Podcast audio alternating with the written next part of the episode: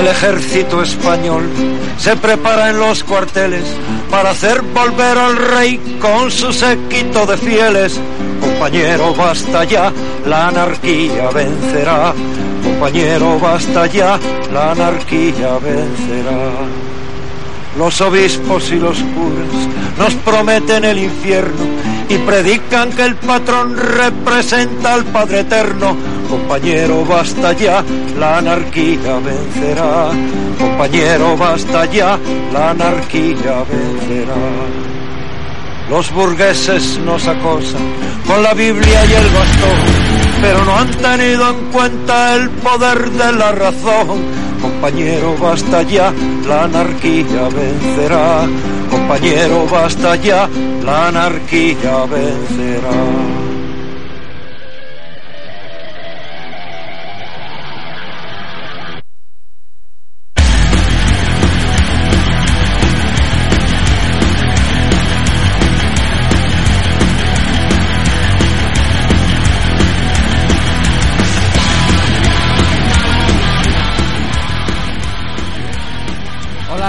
Companys i companyes, benvinguts a tots i totes aquí de nou al vostre programa Logofòbics.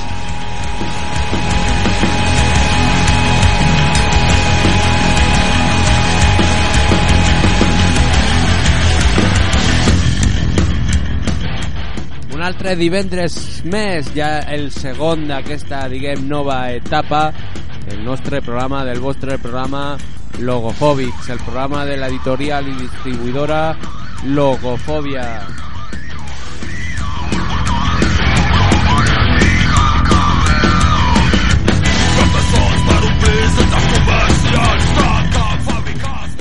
Bueno, avui us portem coses bastant, bastant boniques, bastant importants i, bueno, primerament en farem un resum del que va fer del que va ser la, la xerrada que es va fer el divendres passat a Can Colmo.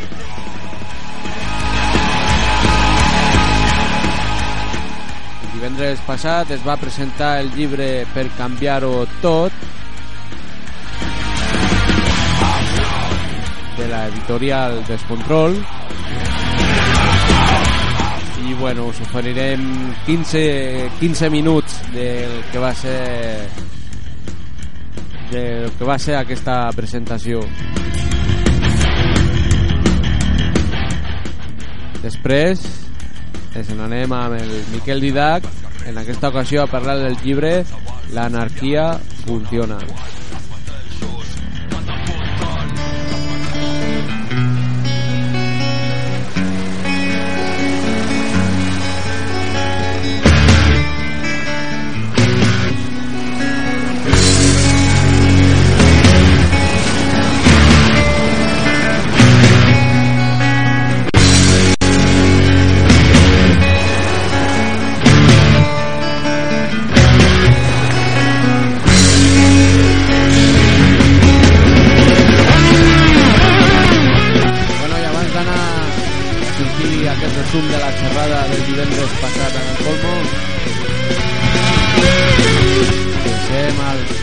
a los muertos de Cristo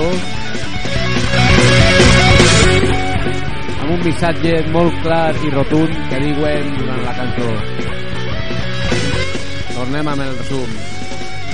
Mi mente emprende un viaje sin final, rompiendo las fronteras de lo irracional, una lucha tras la lucha, llaman de la soledad, emprende un vacío, mi enemigo, ¿dónde está? En un castillo de encontrarás, de quiénes son las tierras que pretendes salvar, si comprendes lo que es la tu patria inventada en la hoguera quemará, en un castillo de papel me encontrarás, de quiénes son las tierras que pretendes salvar, si comprendes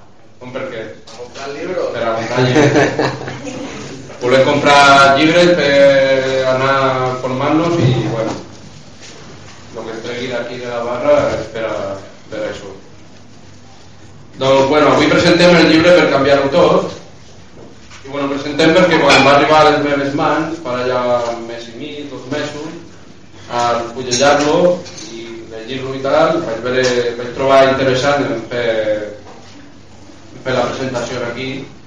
Doncs són, bueno, que ells ho explicaran després millor, són textos trets de l'Indimedia, de la feina, de, diverses, de diversos planes web i així, i el que tracten és que, diguem el món llibertari, l'anarquisme, intenta agafar una posició eh, el que refereix al tema de la independència, no? ara que torna a estar vigent, doncs, suposadament el 27 de setembre hi haurà unes eleccions que sembla ser que seran plebiscitàries, però bueno, ja veurem.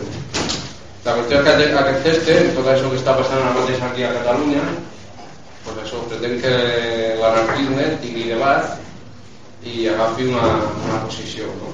I bueno, jo no parlo ja ells lo explicaran millor. Son el Ibai, son el, pa el Pablo, que vienen de la editorial Descontrol Ediciones, son los que han editado, i ja, ells ja que parlen.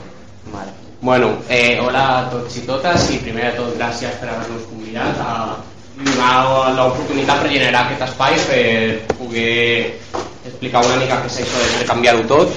Eh, potser voldria aclarir abans de començar de que el llibre no és una crítica directa cap a l'esquerra independentista, sinó que el llibre és una mirada des dels diversos moviments llibertaris o des dels diversos col·lectius llibertaris cap a una mirada cap a l'interior, cap al propi moviment llibertari en referència al procés sobiranista, a la qüestió nacional de Catalunya, al procés que es va viure el 9 de novembre a les nostres terres i una mica va, va dirigit a, cap a nosaltres mateixes, potser en, el, en algun article s'esmenta l'esquerra independentista o fins i tot hi ha algun autor o autora que sí que fa una, bueno, una crítica més o menys dura o constructiva o bueno, segons el punt de vista de cadascuna cap a aquest moviment polític però bueno, voldríem deixar clar des del principi que potser és una de les primeres discrepàncies que vam tenir amb el Cànovas a l'hora de plantejar la, a l'hora de plantejar el cartell pues que nosaltres almenys no consideràvem eh, que, fos, bueno, que el llibre anés dirigit com un atac cap a l'esquerra independentista sinó una mirada cap, al propi,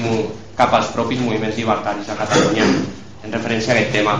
Després per una altra part Eh, el llibre es va coeditar entre dos projectes editorials, que un és eh, Josep Gardenyes i un altre, bueno, Consell Editorial Laberins, que és un nom que ens ho vam inventar en 5 segons, una mica perquè no vam arribar a tenir un consens general dins del propi col·lectiu de l'editorial perquè no totes les companyes ho havien pogut llegir a temps, aquest llibre, i llavors vam decidir inventar-nos un nom i, i ja està. Però bàsicament qui hi ha darrere doncs, també és Descontrol Editorial.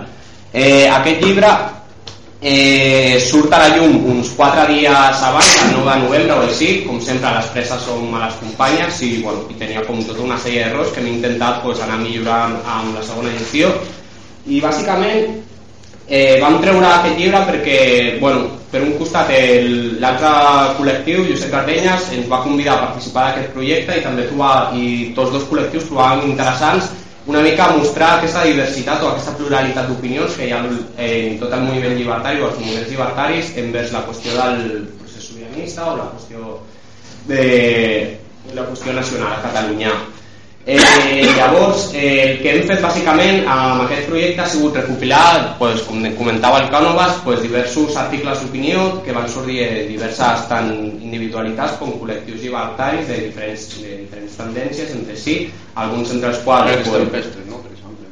Sí, per exemple, Negres Tempestes o, jo sé, o el grup Elisa o altres col·lectius llibertaris de, dels voltants de Catalunya, del, del diari de, de Berga, també de les companyes d'allà dalt i del, de la campanya també del manifest no sí. Bueno, vam anar fent aquesta recopilació perquè també volien demostrar-nos a nosaltres mateixes que les llibertàries també teníem alguna a dir però les acusacions de determinats actors polítics que, bueno, que plantejaven de que, bueno, com sempre, les llibertàries, esteu a la vostra, no digueu preus, que si l'altre, Llavors, en aquesta situació també vam veure interessant doncs, mostrar aquesta pluralitat d'opinions, també doncs, per veure com la, el, el debat sobre el procés sobiranista no, no hi havia una estratègia comuna entre tots els col·lectius llibertaris, sinó que era un debat que estava en construcció i, i, bueno, i un enfrontament entre diverses posicions del propi, o dels propis moviments llibertaris. Eh, per una altra banda, eh, perdó, Eh, per, un, bueno, per una altra banda també vam veure important pues, a banda d'assenyalar pues, aquest paper dins dels diversos col·lectius llibertaris pues, també ens volíem fer nosaltres mateixes la pregunta de quin, bueno, quin era el paper que havíem de jugar els llibertaris o les llibertàries llibertaris i llibertàries perdó, en referència a aquests processos. I nosaltres a l'hora de fer les presentacions d'aquest llibre que realment hem fet un parell Eh, nosaltres generalment no, bueno, intentem que la presentació sigui el més curta possible perquè el que ens interessa a nosaltres mateixes és intentar generar aquest espai de debat i reflexió col·lectiva amb aquells col·lectius que, de companys i companyes que ens conviden i que per això després doncs, l'Ibai doncs, ens serà, si us ve de gust doncs, que puguem xerrar tranquil·lament, debatre doncs, anirà a xerrar algunes preguntes que han sortit en altres debats també a diversos punts de Barcelona al voltant d'aquest fet com a línies generals del llibre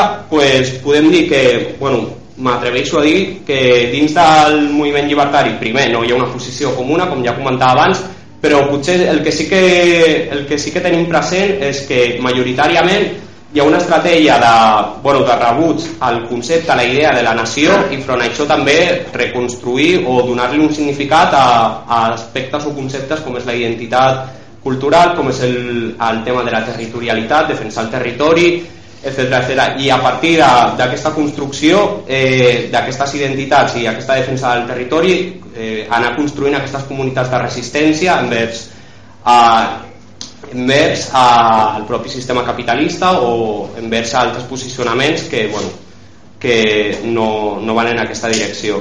Després, per una altra part, el que sí que m'he trobat que per exemple bueno, cada cop hi ha, bueno, hi ha més companys i companyes que comencen bueno, pues a, a replantejar-se aquestes, aquestes qüestions i en aquest sentit eh, vam trobar interessant poder-vos portar també el llibre d'Anarquismo i Poder Popular que és un, bueno, un llibre que es va construir entre diversos col·lectius de Sud-amèrica i diversos països que es planteja un debat a nivell de tota Sud-amèrica de, bueno, de front al concepte del poder popular o al concepte d'unitat popular, etc etc. doncs quin és el posicionament que ha de tenir l'anarquisme envers, envers aquestes qüestions.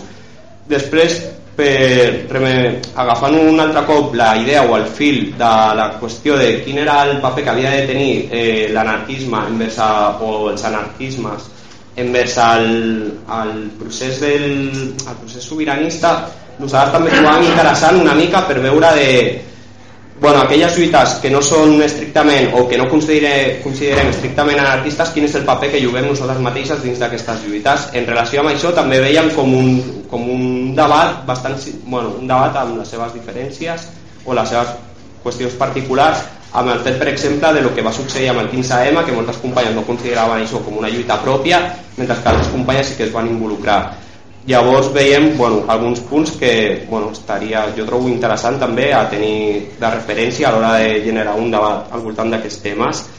I eh, eh, eh, bueno i és que realment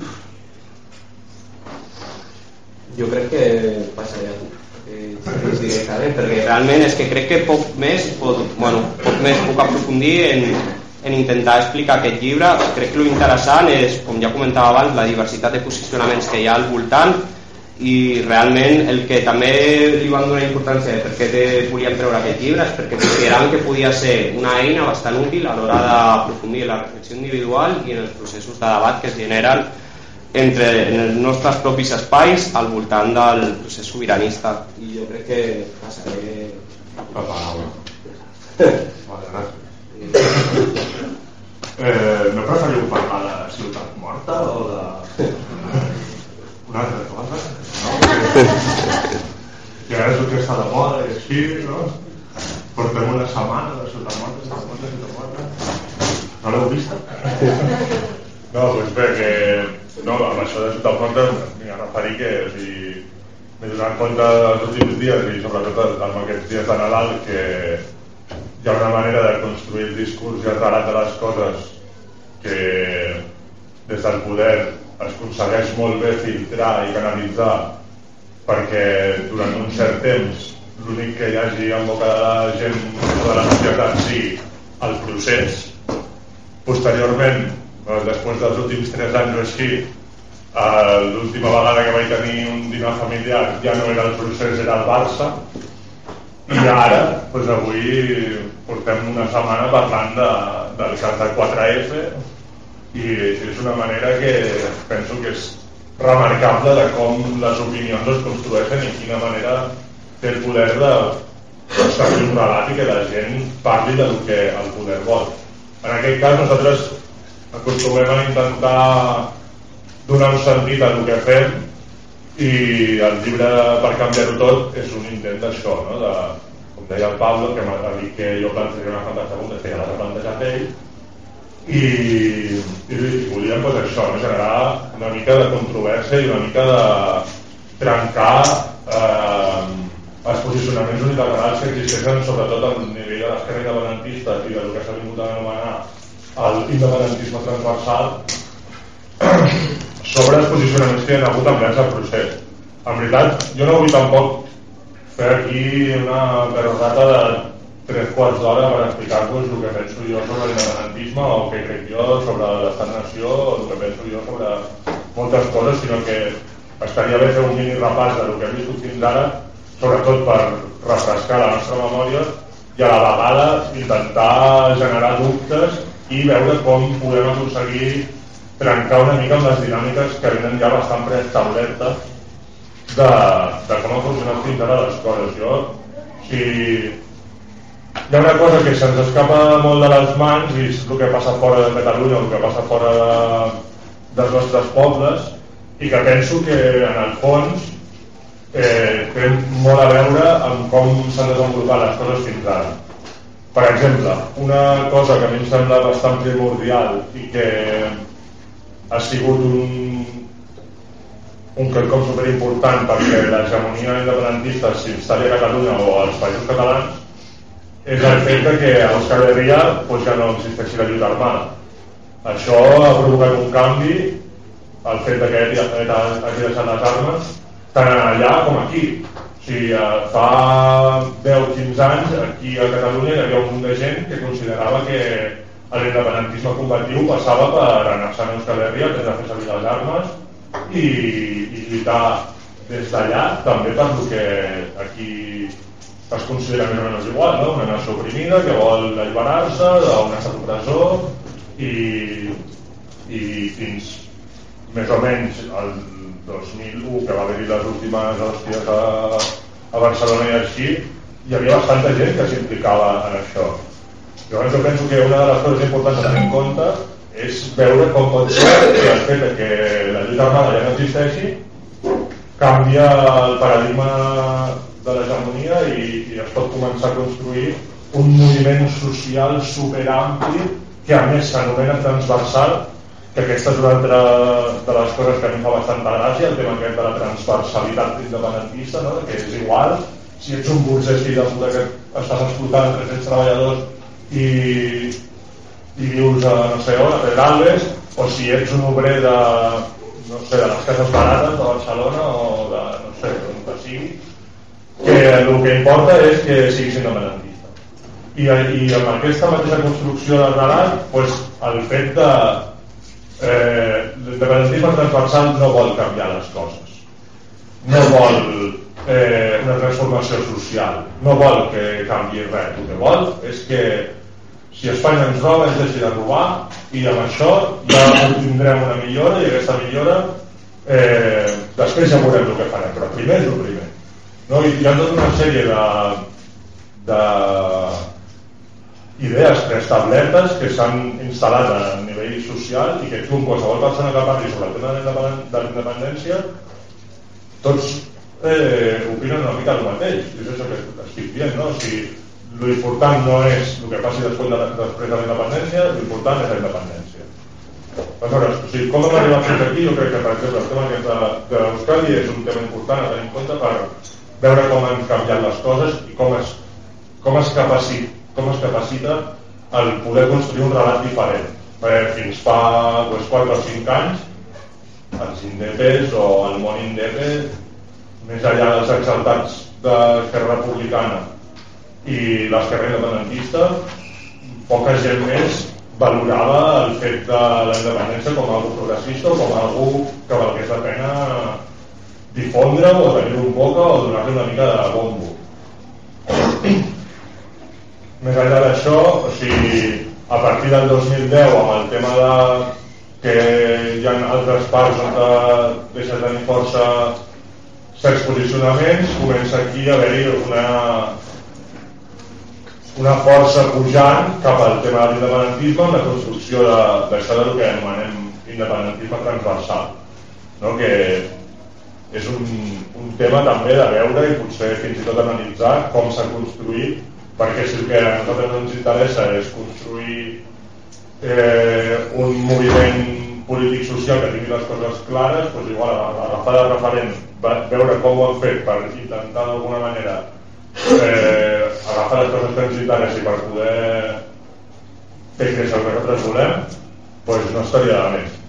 Aleshores a partir de el 2011, 2012 tot el tema del 15M i així eh, el descontent i sobretot des que el Mas va guanyar les eleccions i va començar totes les retallades i el tema de acabar amb la sanitat pública, acabar amb l'educació pública i a més dona la casualitat que s'obre una gran cortina de fum que és el tema d'això, no? del procés. El procés pròpiament dit.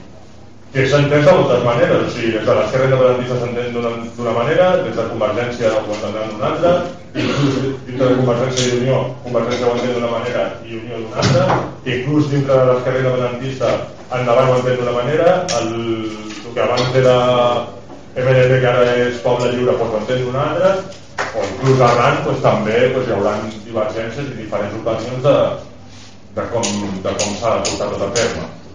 El fet que tot això o sigui, hagi sigut tan hegemònic i que el, el, el, el gran conjunt de la societat en xerrés i que tu anessis a un bar o anessis a un dinar familiar i la gent et preguntés o, per, o es posés a parlar sobre això ha facilitat també que la, la gent del món més llibertari anarquista prengués partit per posicionar-s'hi perquè fins ara, més enllà d'algun nivell o d'algun manifest així residual o marginal, doncs no hi havia molts posicionaments o no és una que ens hagi preocupat gaire. A mi en particular, doncs no molt. Aleshores, el, el fet que ara t'ocupi, doncs igual també que plantejar, no? que fa anys no preocupava i sent quatre que ho parlava no ens feia cas i ara que veiem que hi ha un gran ampli de la societat que sí se'n preocupa o que creu que és un cavall de batalla pues per què? això per què? i, i el tema també o sigui, té molt a veure també amb com s'ha articulat tota una sèrie de posicionaments com per exemple el tema de les candidatures d'unitat popular i la, i la victòria, diguem-ne, d'alguna manera, que han aconseguit en de, del no res pues, estar al Parlament i al Parlament pues, donar-li una altra cara a l'espectacle de sempre, donant un punt de vista diferent i així. Això és un altre debat que també pot plantejar. Què passa amb les institucions o què passa amb el fet que hi hagi gent que es plantegi que a, a, a través de les institucions es pugui fer alguna cosa també valorable o sigui que ara mateix bueno, per posar-nos una mica al dia si no estiguessin el David i l'Isabel al Parlament pues avui potser el Parlament no hagués tret un, un comunicat parlant sobre el cas del 4F i demanant a l'Ajuntament que investigui que reobri el cas i així és considerable una victòria això? Sí, no? O sigui, és un altre debat. El fet d'això de la, de la CUP també és un altre debat. Jo vaig plantejant aquí una bateria de preguntes i no, o sigui, jo en, en 3, 2, 1 callaré i deixaré, deixaré, deixaré que també digueu la vostra i, puguem intentar generar una mica de taula rodona que, que no és molt rodona però bueno, igual i i això del, del cas de la CUP pues, també té molt a veure amb el que succeirà d'aquí poc, no? el tema de Guanyem, Podemos, totes les candidatures aquestes que estan sorgint últimament, si ens anem una mica més lluny per Europa al cas de Sirisa, res i tot això, pues no sé, és algú a valorar i a veure, no? el tema de la participació institucional, si creiem que això ho aconseguirem alguna jo particularment crec que no, i, i el, i el cas és això, no? que o sigui, plantejat o sigui, fins ara, com hem arribat fins aquí, amb el tema de les institucions, què hem de fer i quin camí creiem que s'ha de recórrer, i després, pues, igual, veure que hi ha coses que semblen superxorres, no? que no tenen cap sentit i que, i que en realitat no tenen molta importància, però que després en el fons pues, sí que la tenen. O sigui, en una de les presentacions que vam fer d'aquest llibre Per canviar-ho tot, a Sant Andreu pues una de les persones que estaven per allà deien que, que pues, des del món llibertari no s'havia fet res en tot el que és el, el procés sobiranista o independentista, diguem com vulguem, i que havíem anat com el salto de mata del rotllo pues, quan hi ha hagut algun alguna data remarcable pues, treure un comunicat per posicionar-se o a nivell teòric pues, amb algun, alguns dels textos que hi ha al llibre no? pues, Bueno, estem plantejant que has fet una pregunta, que és una pregunta o una subpregunta, si contestes positivament a la primera pregunta, i encara que ninguna de les dues respostes valgui res, doncs ens hem de plantejar com, com ens posicionem. No? I per exemple, la gent de la plataforma no sí del grup de reflexió per l'autonomia doncs, ha fet un treball bastant interessant amb el tema d'analitzar aquestes preguntes, intentar respondre-les amb una mica de coherència i veure pues, què és el que surt d'aquí més enllà de la trampa de la pregunta en si o de la trampa de que les preguntes no serveixin per res perquè després és, el que tenia que ser un referèndum és una enquesta el que és una enquesta no vinculant el que no és vinculant no serveix per res i en el fons és una mobilització més simbòlica com fer una mani de setembre o qualsevol altra de les múltiples performances que han fet aquests de, la ANC també, no? com el riu aquest de tot l'estiu passat que es van dedicar a cada setmana, cada dues setmanes fer un mega mosaic gegant amb la cara d'un dirigent polític mundial rotllo Merkel, Obama president de la Xina o president de l'Estat dient catalans we want to vote que és molt important que tots votem que volem un país nou i no sé què.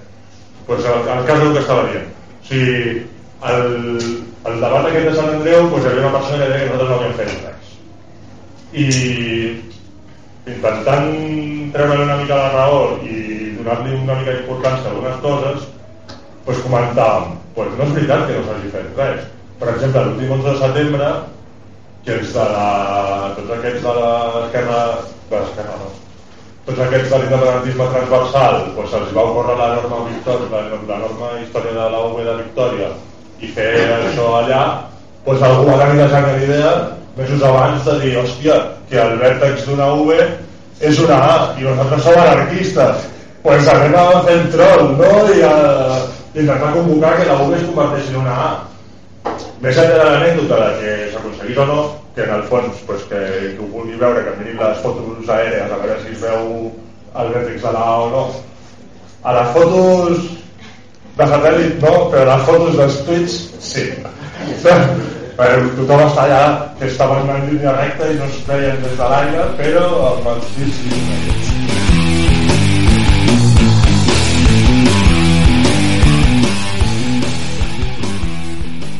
que sentíem doncs això, van ser uns 20 minuts de la xerrada presentació del llibre per canviar-ho tot. Un llibre que ens agradaria doncs un llibre de debat dins del moviment llibertari de Catalunya. Però bueno, ja ho veurem ara abans d'anar al llibre de la setmana en el que bueno, el Miquel Didac ens parlarà d'un altre llibre també de l'editorial Descontrol que es diu L'anarquia funciona i va estar escrit pel company Peter Herderlos ara us hi deixem amb això que sona que són els anestèsia que tornen de nou a la, a la carretera amb un nou disc. Doncs això és el que sona aquesta cançó i tornem amb el llibre de la setmana amb el company Miquel Didac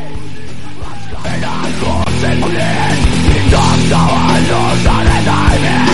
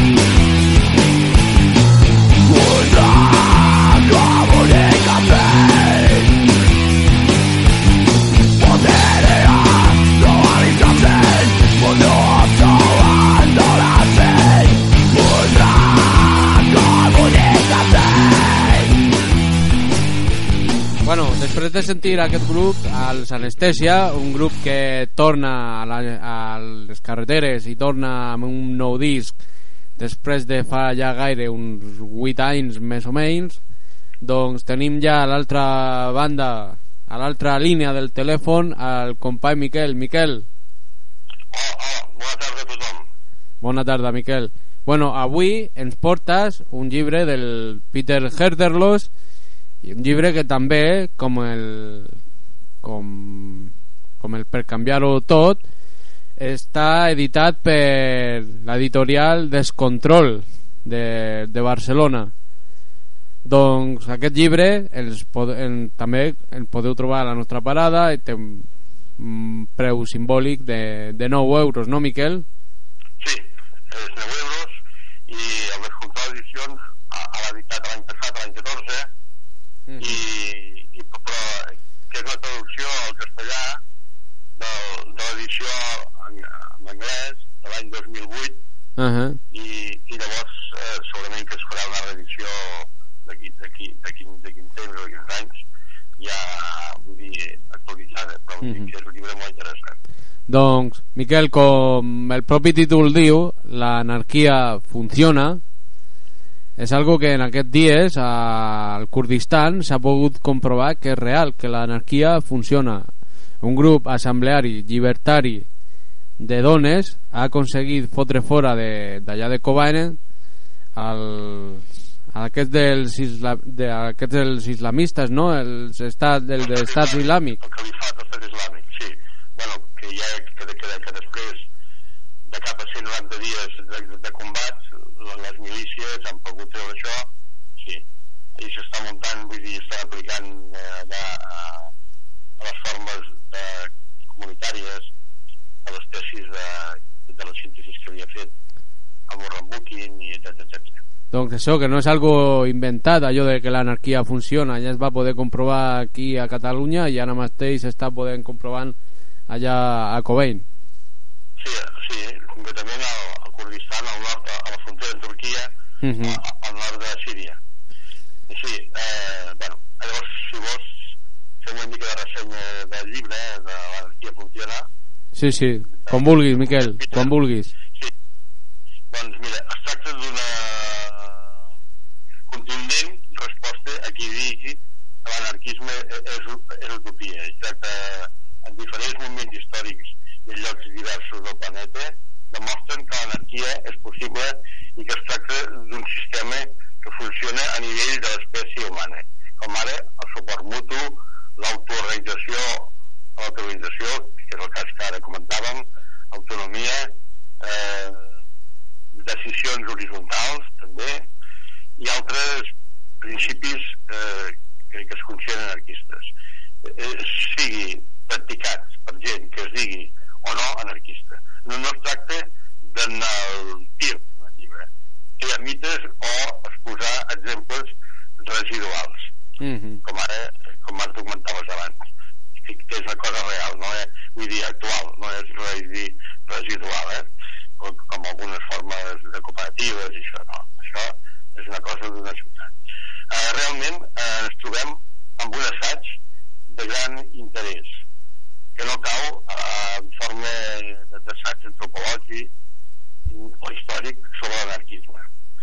Hi ha, eh, hi ha moltes qüestions i moltes crítiques que es formulen a l'assaig per, eh, per considerar eh, per, per, per, que, que, i que en contra els que consideren que es tracta d'una utopia més, l'anarquisme, que en aquest llibre, i clar, aquest llibre no ha resposta. Punt per punt, tot desmuntant que l'anarquia pot funcionar com ha funcionat i el fet que podrà funcionar en un, en un futur. Es demostra que l'anarquisme és la més alta expressió dels moviments socials revolucionaris sorgits arran del combat enfront al capitalisme i hi apunta vers un món lliure de tota forma de domini, opressió i explotació. Al mateix temps, l'anarquisme és una proposta eh, gens complicada, simplement eh, convincent. Doncs la gent eh, sap com ha de viure la seva pròpia vida i poder-se organitzar millor del que qualsevol expert podria fer-nos organitzar.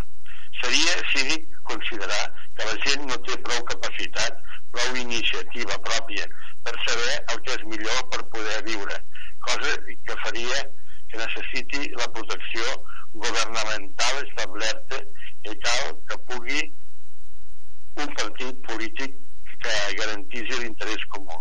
Un escrit de l'any 2008 que, al meu entendre, és del tot actual no solament per experiències que en aquest moment, sinó especialment també a la Mediterrània, amb, eh, amb les maneres que no són anarquistes, com les eleccions gregues de diumenge o la propaganda elitista eh, que fa Podemos. L'anarquista pensa que no cal centralitzar les decisions de la societat, al contrari, cal un poder descentralitzat. Cada persona hauria de ser el centre de la societat i tothom haurà de ser lliure per establir les xarxes socials que cregui necessàries i associar-se de la manera que consideri millor així de satisfer, de satisfer les seves necessitats en comú amb l'altra gent. En canvi, l'educació a l'escola pública ensenya, o sigui, és de l'Estat o de la Generalitat o, o el que sigui, ensenya a que la mainada dubti de la seva capacitat d'organitzar-se, la, la gent per si mateixa. En aquest sentit, l'ensenyament oficial serveix per enganyar l'alumnat en un concepte tendenciós on s'educa per creure que l'anarquia no és practicable.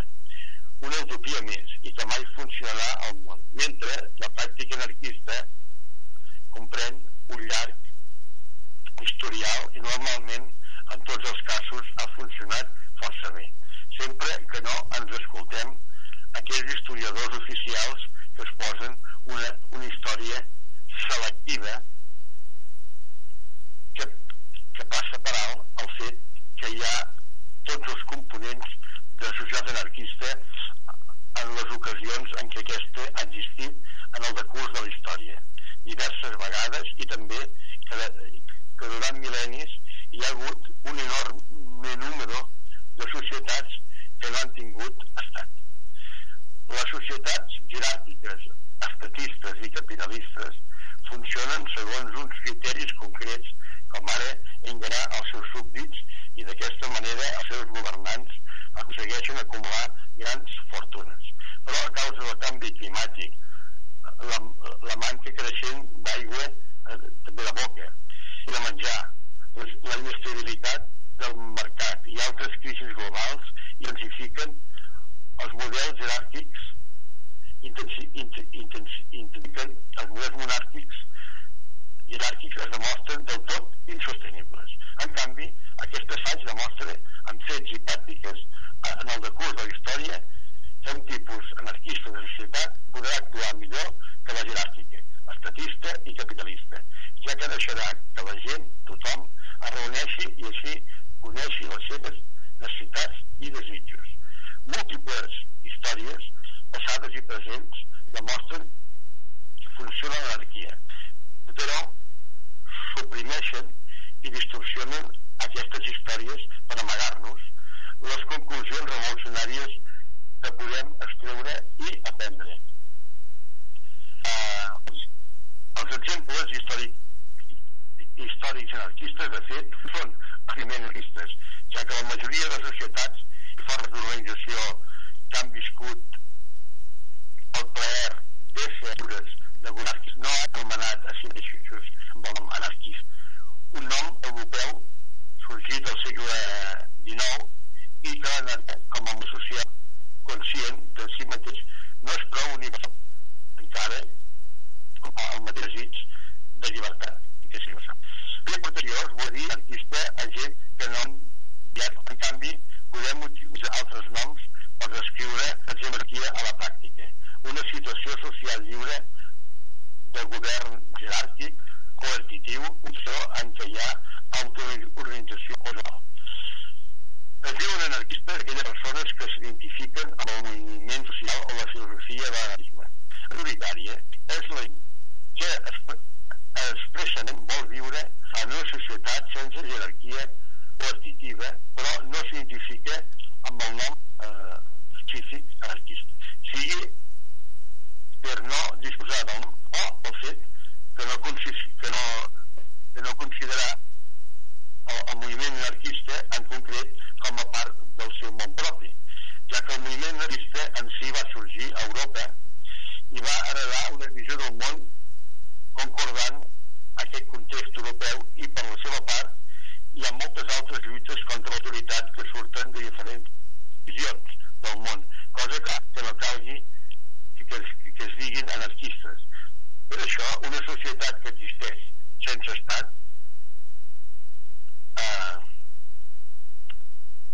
encara que no s'identifiqui com a anarquista és sense estat.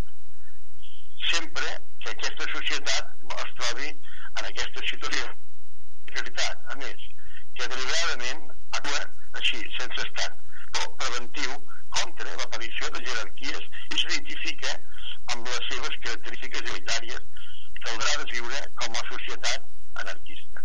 Això eh, diu l'autor d'aquest assaig. Cal recordar que en quasi totes les societats tradicionals africanes eren, de fet, anarquistes. El mateix passa en altres continents fora d'Europa, però com anarquistes del món occidental, dret a representar altres cultures i societats de manera egoista, evitar aquestes característiques generalitzadores, sense deixar d'evitar aprendre aquests exemples esmentats. Encara que molts, exemple, que molts projectes anarquistes funcionin molt bé, solament apleguen un nombre reduït de gent. Hi ha un aïllament que caldria superar. En alguns ex- exemples, anarquistes i altres an- auto- antiautoritaris van ser eh, traïts per suposats aliats que van sabotejar tota possibilitat emancipadora a fi d'aconseguir el poder per ells. Cosa que ens ensenya el tipus d'aliança que ara ens cal fer i el tipus que cal rebutjar.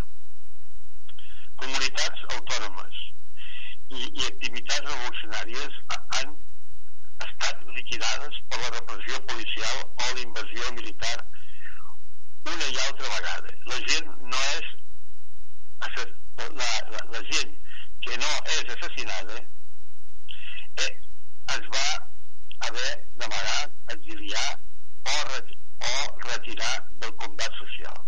La qüestió bàsica és quines accions, quines estratègies i quines formes d'organització eh, preparen millor per poder sobreviure enfront la repressió. Al mateix temps, eh, el llibre fa molt, posa moltes qüestions, eh? ja en diré algunes. Al mateix temps, de quina manera i des de l'exterior com podem efectuar una solidaritat efectiva, que en aquest cas podria ser ara de Kobane. Quines avantatges i, qui, i quines desavantatges hi ha i quina manera podem superar l'aïllament o evitar la repressió sense caure en la participació o acomodament al sistema hegemònic, ser accessible a una gamma més àmplia de gent o així evitar la repressió. Una qüestió fonamental que hauria de formular tot moviment social o projecte transformador. Col·laboració, sí o no? Una altra. Una contradicció en què no hauria de caure l'anarquista, que no, que no s'hauria de plantejar la col·laboració amb els Molts exemples exposats en el llibre que sembla recent no existeixen. L'anarquista no hauria de ser una institució permanent i una organització específica condicioni sempre la serà. Ja no, ja no són útils ni necessàries. Com podem aprofitar al màxim les bombolles d'autonomia abans que s'exhaureixin i com podem seguir informar-nos una vegada no, no, no existeixen? Això és una altra qüestió. Com un conjunt d'espais i fets importants de caire temporal poden estar vinculats en una continuïtat de lluita inevitable en el discurs i els observadors externs poden contribuir en noves i útils eh, perspectives. Però les coses no són simples. Entre altres autors i llibres Peter ens recomana eh, en el cafè d'Enrico Malatesta un fulletó eh, fàcil, fàcil de llegir que l'any eh, 1971 fèiem servir eh, com a difusió llibertària la militància de Negro i Rojo a la clandestinitat o sigui, aquest, o sigui jo mateix estava també eh, ens recomana teoria pràctic, i pràctica de l'anarquisme de Daniel Guillem. Llibres l'abast de la militància, que són eh, fàcils de, de, de poder trobar, llegir o fer, o fer difusió. Igualment, les obres de l'antropòleg eh, ja diria llibertari Pierre Castres, de Gaston Leval, de Sant Valls, eh, en Morran Bukin, que abans he esmentat, eh, en Michel Foucault, Alexandre Esquiva, Néstor Magno, Alfredo Guarano, Jaime Semprún, fins i tot George Orwell, eh, en Piotr Chinov, company de, de Magno, i altres. En el capítol sobre revolució s'exposa que els moviments anarquistes i antiautoritaris han aconseguit en ocasions derrotar exèrcits i tombar governs per mitjà de revolucions. Quasi sempre en moments de, de crisis econòmiques, tal com ara, no? Quan l'estat és feble de recursos o de crisis polítiques. Eh, quan, quan l'estat perd la, fan, la fantasia de legitimitat eh, eh, s'esmenta Miquel, Miquel. sí, digue'm Hem d'anar ja tallant perquè... Sí. Hem d'anar ja tallant perquè el temps ens fica una mica a sobre. Sí, no, eh, és això. Doncs llavors, eh, se et deia, doncs, eh, llavors l'autor esmenta, es- esmenta exemples, eh, com l'exèrcit revolucionari tradicional a Ucraïna, eh, resistència índia americana, Cochabamba a finals, de, a finals del segle XX, insurrecció a Albània el 1997, el moviment Ocupa Europa, insurrecció a la Cabira el 2001, milícies llibertàries a l'estiu i continuïtats del 36 a Catalunya, Aragó i a altres parts de la península, Argentina, el, allò que se va todos, el 2001, insurrecció coreana a Yavanjú, el maig de 1980, revolució de consells a la Hongria estalinista el 1956, Oaxaca el 2006, entre altres insurreccions i revoltes. Per tant, eh, és recom recomanem la lectura i una, i una reflexió. Mm. Doncs, Miquel, Sí, el temps ja se'ns fica a sobre i bueno, recordar que això que es parla del llibre L'anarquia funciona escrit pel Peter Herderlos allà pel 2008 i editat ara per, per Descontrol Editorial. Doncs Miquel? Sí, per la setmana que ve vols que anunci el llibre? sí, bueno, ens fas una ressenya petita del llibre que presentarà la setmana que ve? Sí, bueno, mira, eh, també eh, el Descontrol Edicions de, de Barcelona eh, també l'any passat, bueno, ara a final, a finals d'any, eh, bueno, a finals, a, a, abans de l'estiu, uh -huh. l'any 14 l'any que l'any 2014, per, per, per, perquè té 108 pàgines i, i val només 4 euros, i que és una, una antologia que es diu Antologia d'Escritos, de Mhm. company Néstor Magno. doncs company, company Miquel Sí, Això ja ens parlaràs d'aquest llibre ja el divendres de la setmana que ve i ara t'hem de deixar perquè encara ens queda l'agenda i donar per finalitzat el programa.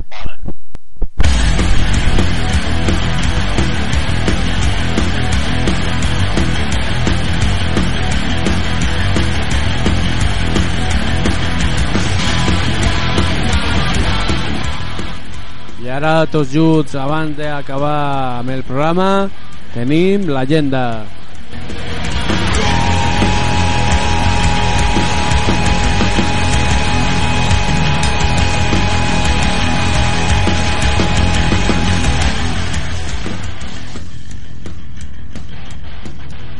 Doncs la comencem una activitat que comença ara en un parell d'hores al centre social ocupat Can Colmo. La cafeta feminista. Doncs en aquesta cafeta eh, tindrem la presentació del llibre I visqueren felices relats lesbis amb final feliç Després tindrem un concert de cantautores amb Hysterical Pizzis i Aquelarre i acabarà la jornada en la festa bailonga de DJ Scum.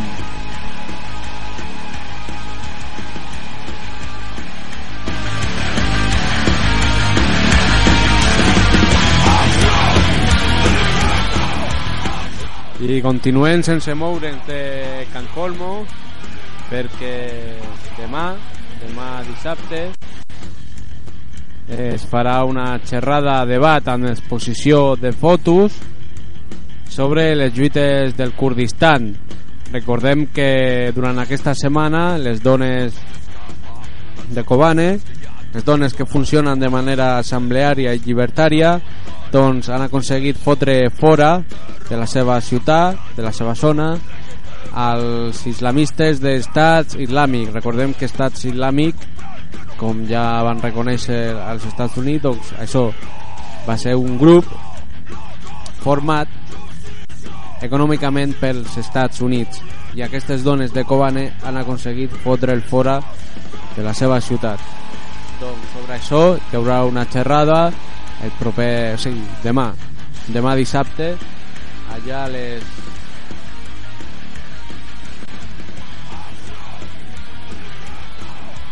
allà a les 7 o per ahir de la tarda, segons ens marca per aquí. I ja eh, se n'anem al diumenge, que a Can Rus hi haurà una pizzeria, bueno, la pizzeria Saco Pizzetti, en aquest cas solidària amb les represaliades pel cas Pandora.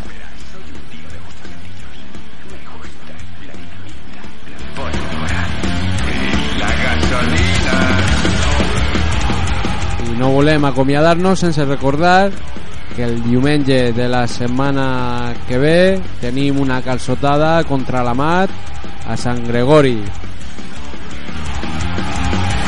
que començarà a les 10 del matí amb una caminada per la zona.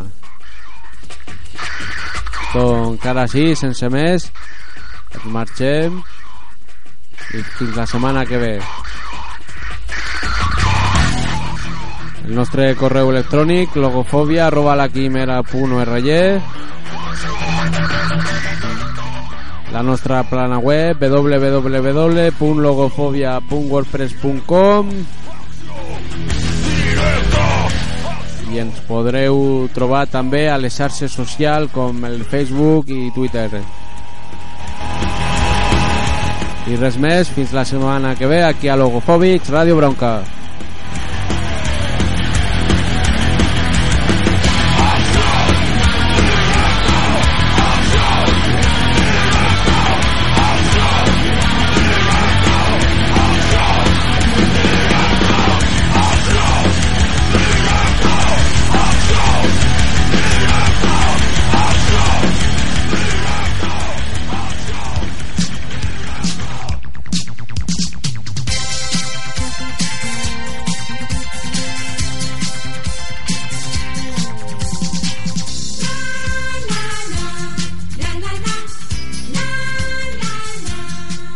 i ara